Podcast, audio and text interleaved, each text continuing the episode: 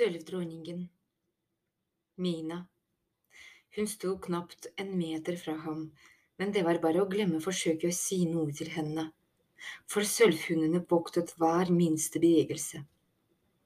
Nå kunne de høre at noen var på vei mot dem fra sjøen. Alle stirret mot lyden. Inn i det svake lyset fra faklene kom Bård med en vokter på hver side. Han levde. Han var gjennomvåt, og klærne var i filler. Han hadde ikke kommet seg unna, men han levde. Charlie prøvde å få øyekontakt med ham, men Bård så bare ned. I det samme hørte Charlie at dobbeltdøra bak dem ble åpnet. Ti–tolv forskremte barn snudde seg og stirret.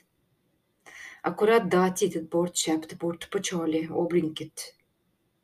Bård hadde ikke overgitt seg likevel. Han hadde kjempet mot beistene og tapt, men han hadde ikke gitt opp. I døråpningen åpenbarte det seg en skremmende skikkelse en slags pelskåpe eller kjole. Hun sto på det nederste trinnet i en lang trapp, og Charlie forsto at det måtte være henne Gråbein hadde kalt sørdronningen. Skjult hun som ledet vokterne. Kjolen hadde samme sølvfarge som pelsen til vokterne, og han hadde aldri før sett en dame som var så høy. Likevel var det noe som var enda merkeligere. Ansiktet hennes var liksom så barnslig som på en femåring. Kjolen gikk helt ned til bakken, og hun hadde et sølvskjerf rundt halsen og et bredt sølvbelte rundt livet. De enøyde trakk seg unna. Det virket som om de var redde for henne, for knurringen gikk over en slags klynking, som om de var hundevalper. Skjul sto der bare, stille, som en underlig kjempe i fakkelskinnet. På en eller annen måte virket hun farligere enn alle vokterne til sammen. Charlie visste egentlig ikke hva han hadde forventet at skulle skje, men det var iallfall ikke det som nå skjedde. Skjul begynte å synge. Det var den tristeste melodi han noensinne hadde hørt. Det var ingen ord, bare triste, lange toner. Det klang så rart, som om lyden kom fra alle steder.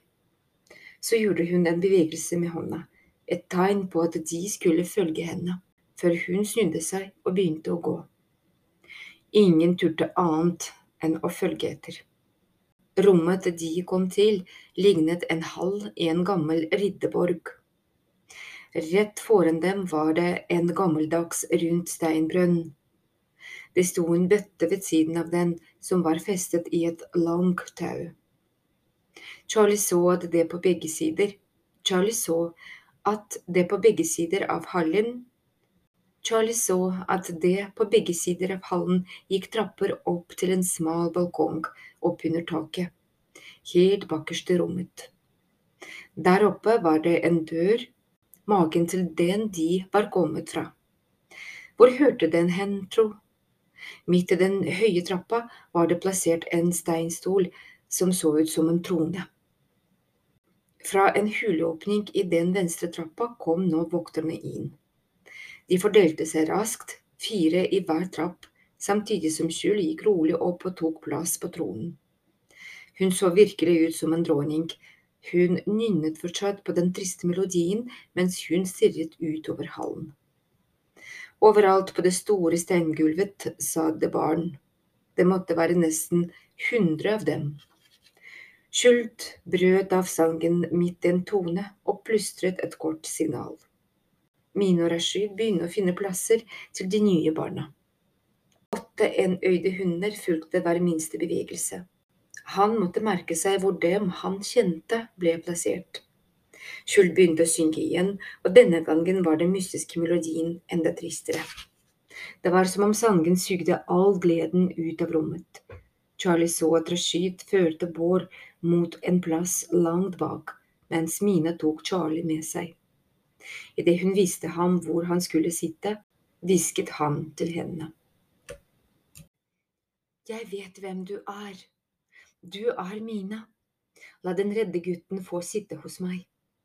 Han så på henne, men hun viste ingen tegn til å svare ham, og øynene virket like kalde. En etter en ble de plassert. Rashid hentet hodet nå. Han tok henne med til en ledig plass, redd bak Charlie. Så flaks. Nå var det bare den spinkle gutten som fortsatt sto ved brønnen. Det var Mine som hentet ham. Hun stoppet foran ham og tittet opp på Skjul. Den store kvinnen nikket svakt uten å stoppe å synge. Mine tok bøtte som sto der, og kastet den ned i brønnen. Da hun hadde fått fylt den, tok hun en kopp fra brønnkanten og lot gutten drikke.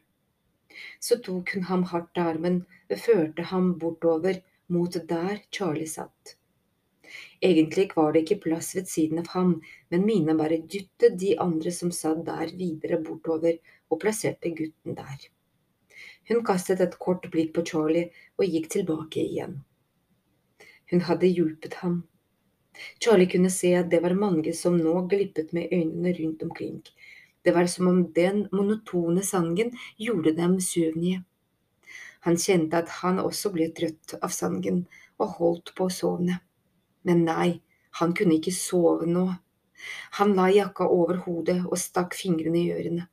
Hun skulle ikke klare å bedøve ham med sangen sin.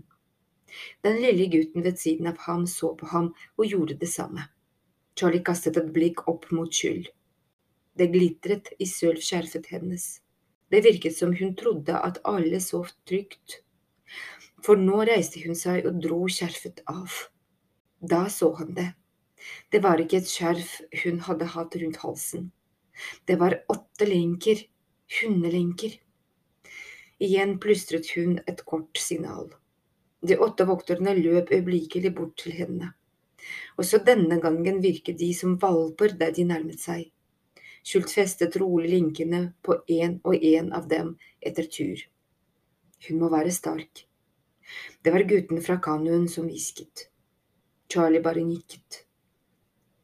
Skjult tok med seg vokterne sine og begynte å gå oppover trappa som førte mot huleinngangen. Minor og Skyd la seg ned på hver sin side av brønnen og lykket øynene, som om de var klare for å sove. Skjul fortsatte den uhyggelige sangen mens hun og sølvhundene forsvant videre inn i fjellet. Akkurat idet de ble borte, falt et gitter ned bak dem. I samme øyeblikk som gitteret traff steingulvet, blåste alle faklene i rommet ut. Charlie kunne ikke se noen ting. De var fanger i mørkeste Adnafjell. Fortsatt kunne han høre sangen. Den kom fra et sted langt borte, men krøp på en måte rundt dem likevel. Du må ikke sovne før meg, for da blir jeg redd. Det var gutten med brillene. Charlie hjalp ham til å legge seg ned mellom benkene og la jakka si under hodet hans. Gutten lå nå mellom Charlie og Oda. Charlie la forsiktig hånda si på henne og kjente at hun sov tungt. Hva heter du egentlig? hvisket Charlie. Ja, mann, men alle kaller meg Lillemann, hvisket han. Kan du passe på dem for meg? Gutten rakte ham brillene sine. Jeg kaller deg Yaman, jeg hvisket Charlie tilbake, men det hørte ikke Yaman, for han sov allerede. Alle rundt Charlie sov nå, de triste barna. Hva gjorde de her, alle sammen? Verden var full av barn som ikke hadde det godt. Men hvem ville vel sperre dem inne i et fjell? Kom med meg, men vær stille. Det var Mina. Han hadde ikke hørt henne komme i mørket. Mine tok ham i armen og ledet ham mellom sovende barn. Hvordan i all verden kunne hun se så godt? Hun gikk stille som et dyr og like stødig og sikkert som om det skulle vært dagslys. Sett deg, fisket hun. Du kan støtte ryggen mot brønnkanten, bare slapp av. Skjullevokterne kommer ikke tilbake på flere timer, og Rashid sover som en stein. Jeg forstår ikke hvordan du kan se så godt her inne, jeg ser absolutt ingenting. Jeg har vært her lenger enn du kan tenke deg, svarte hun bare. Jeg vet nøyaktig hvor lenge du har vært her, Du havnet her den kvelden du klatret over garasjetaket og forsvant. Du har vært her i to år, hvisket han. Han hørte på pusten hennes at hun skvatt. Hvordan kan du vite det? Hvem er du egentlig? Jeg er Charlie. Charlie drømmevandrer. Jeg er kommet hit for å redde deg. De satt tett sammen. Det var så rart. Han hadde sovet på rommet hennes mange ganger, og nå satt de sammen i Adnefjell. Charlie fortalte henne om faren sin, om Vår og Ode, om bildet av henne på det lille bordet, om bildet i skuffen, om Ranhild som hadde det så vondt, og om Odd som hadde sett henne da hun forsvant gjennom hagen. Der går hun, der går jenta mi, sa han, forklarte Charlie. Pappa, sa hun bare. Hun sa det stille, men det var det hun sa. Hun kalte ham pappa. Odd er syk. Hva mener du syk? Han glemmer. Han sier så mye rart. Noen ganger kaller han meg Charlie, men andre ganger aner han ikke hvem jeg er og tror jeg skal på håndballtrening. Jeg har aldri i mitt liv spilt håndball. Han blir egentlig bare dårligere og dårligere. Ragnhild sier det heter Alzheimer. Det var mørkt så Charlie kunne ikke se henne, selv om de satt tett sammen. Pappa, hvisket hun ut i mørket. Det hørtes nesten ut som om hun var på gråten, men Charlie kunne ikke være sikker. De bare satt der nå. Charlie kjente at han ikke var trøtt lenger. Hvorfor rømmer du ikke? Det må da finnes en vei ut. Glem det. Men den hule som Skyld og vokterne forsvant inn i, hvor fører den? Det tok lang tid før hun svarte. Han satt så nært henne at han kjente at hun løftet den ene hånda. Han hadde på følelsen at hun tørket tårer. Da hun snakket igjen, var det som om det harde var kommet tilbake i stemmen hennes. Hullet er enten stengt av gitteret eller av vokterne. Ut den veien kom ingen. Igjen var hun stille. Jeg skal fortelle deg hvorfor jeg ser så godt i mørket. Charlie kjente at hun gned seg i øynene enda en gang. Jeg holder på å bli vokter. Hva? Det er det som skjer med oss, de som har vært her lenge, forvandles til voktere. Jeg har sett det mange ganger, det er nok Rashid som min tur snart. Det er vi som har vært her lengst. Det kommer litt etter litt, det første jeg merket, var at jeg begynte å se godt om natta, men etter hvert kjente det mer. Kjenn her. Hun dro opp ermet på genseren, så tok hun hånden til Charlie og førte den bort til armen sin. Han trakk til seg hånda som om han hadde brent seg. Det var pels. Ikke myk dyn, men rett og slett tett pels oppover armen. Hun var i ferd med å bli en av dem. Du sier at du er her for å redde meg, men det er for sent. Aldri i livet, det går jeg ikke med på. Hvis alle de vokterne egentlig er barn, så er det jo synd på dem. Vi må redde dem òg. Vi har Ode med oss, og vi har Bård. Du må hjelpe meg, Mina. Det er ingen som vet mer om dette stedet enn deg. Glem det, sier jeg. Det fins ingen vei ut herfra. God natt, sa hun og la seg ned. Hun krafset liksom litt rundt for å finne en god stilling, akkurat slik en hund gjør når den legger seg i kurven sin.